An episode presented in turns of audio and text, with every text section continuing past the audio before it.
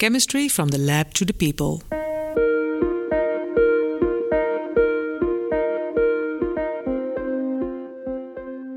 Hello, dear listeners. I am Morteza Hadian, and this is Chemistry from the Lab to the People, a podcast from Advanced Research Center of Chemical Building Blocks Consortium, shortly ARC CBBC. In this podcast, my guest and I try to explain briefly and in simple words the role of methane in our past, current, and especially future life. Today, I have a dear guest, Daan Groefsema, He's a PhD candidate at uh, Utrecht University. He's going to introduce the project that he's uh, currently working on and the novel and innovative idea uh, behind this project. Hi, Daan. Welcome to the fifth episode of Chemistry from the Lab to the People. Hi, Morteza. Thank you for inviting me. Thank you for joining us. Uh, would you please briefly introduce yourself to the listeners? Yes, of course. Uh, you already said it a little bit. Uh, my name is Daan. I'm a PhD candidate at Utrecht University, and I'm working in the group of inorganic chemistry and catalysis that's led by Bert Weckhuysen. Uh, and also, my research is a part of the ARC CBBC. So, you are a colleague of uh, our former guest, uh, Sebastian.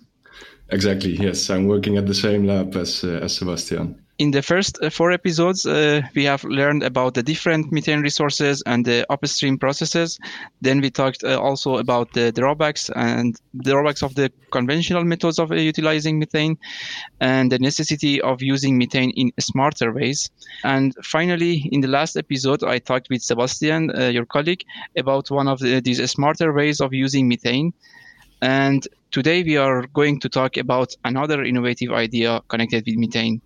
So to kick off uh, the conversation, uh, my first question is, what problem are you aiming to solve?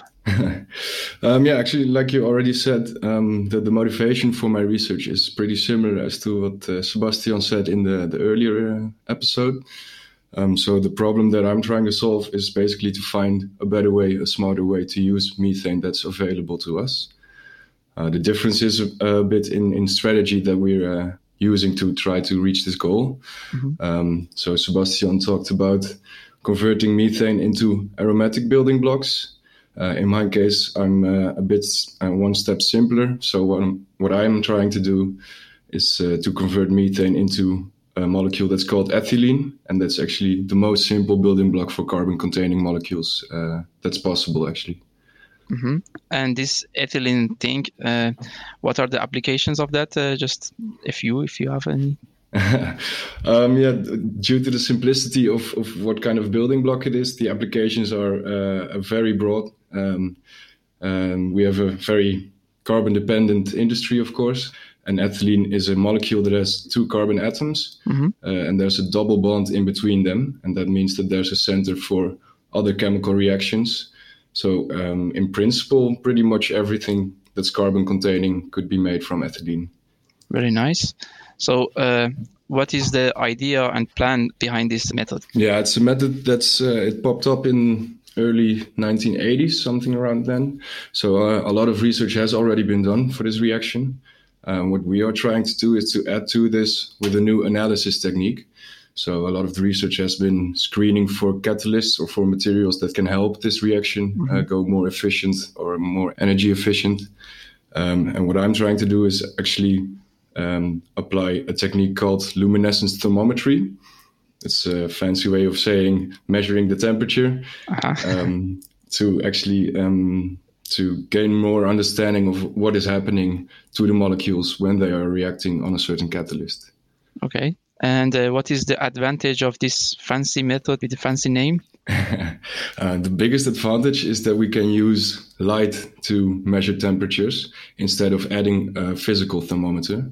So every time you add a thermometer into a, a reactor or an, uh, a laboratory setup, something like that, you basically disturb the system we want to minimize this by using light, so we don't need physical access, but we only need to be able to look at it. And the other advantage is that material that emits this light, which we then use, uh, can be contained inside the catalyst material, inside the material that is doing the reaction. So this way, we also have a very local temperature measurement. Mm-hmm. So it's not the average temperature in the whole reactor that we measure, really the temperature on the surface of the material. Yeah, You mentioned that the idea began to like in 1980s. So why until now to further uh, develop this method? What were the challenges? It was like a technology barrier, or what was that? Yeah, a bit of both. Um, technology barrier is still the thing that we're trying to solve because we're not able to do uh, this reaction in an economic way yet.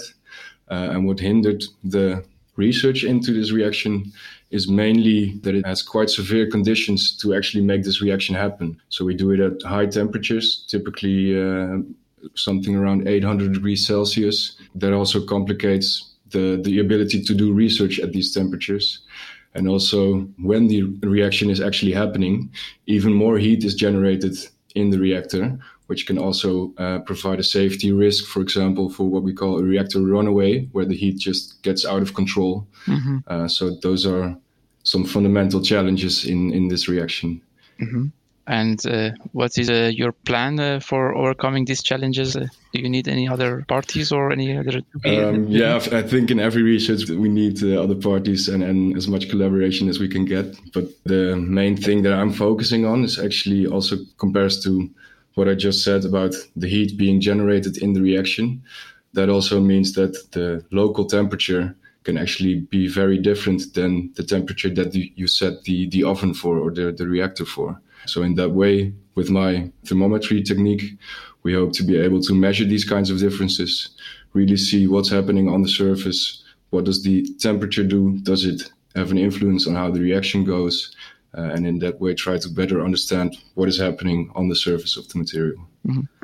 So, uh, if I understood it correct, you need to see inside the reactor. So, does it mean that you need a transparent uh, wall of the reactor? Yes, yeah, that's absolutely correct. Otherwise, it would be uh, difficult to see inside. Yeah, true. so, what we have for that is we have an, an oven that's uh, isolated from, from the outside, and we have a small slit in there where we can insert an optical probe so mm-hmm. that's basically comparable to the glass fiber internet cables uh, sort of things, where an optical signal can be transmitted.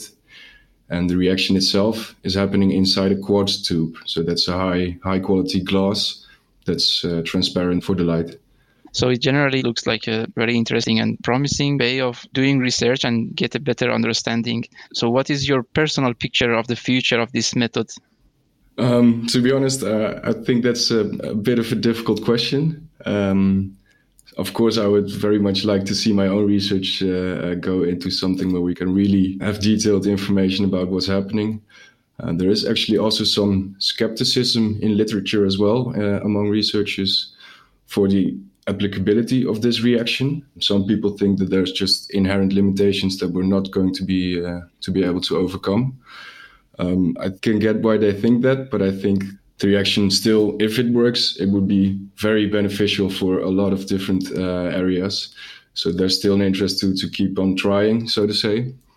Um, and in terms of the future for my research, one thing that I really like myself is that there's of course the the industrial interest in the reaction of methane into ethylene, mm-hmm. um, but it's also quite a suitable stepping stone to develop more of these luminescence thermometry techniques. Those are also known for, I think, about a couple of decades, something like that. But it's pretty difficult to do that at high temperatures in actual catalytic conditions. So basically, it's it's two things at the same time. On the one hand, we try to get some more understanding of the reaction. On the other hand, we use this reaction as a model system to increase the, the boundaries for the analysis technique that we use and hopefully that would lead to uh, a widely applicable way of analyzing these kinds of reactions also for other systems, for example, for what Sebastian Haben is doing, or but many colleagues who are doing uh, different things, they could benefit from this analysis technique.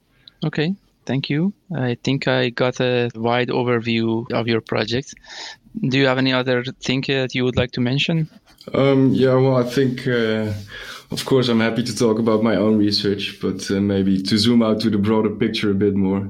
Um, it's also very nice that you make this podcast to uh, see some links between different research areas, because uh, in the end, we have to get it all working together to go to a more sustainable uh, society. So, thank you for that. Thank you. Uh, thank you for joining uh, us uh, in chemistry from the lab to the people and giving us a nice insight into your project. And uh, I wish you good luck in the rest of your PhD. Thank you very much. It's been my pleasure. Thank you.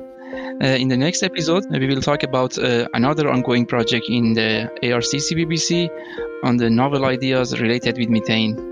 Tot volgende aflevering.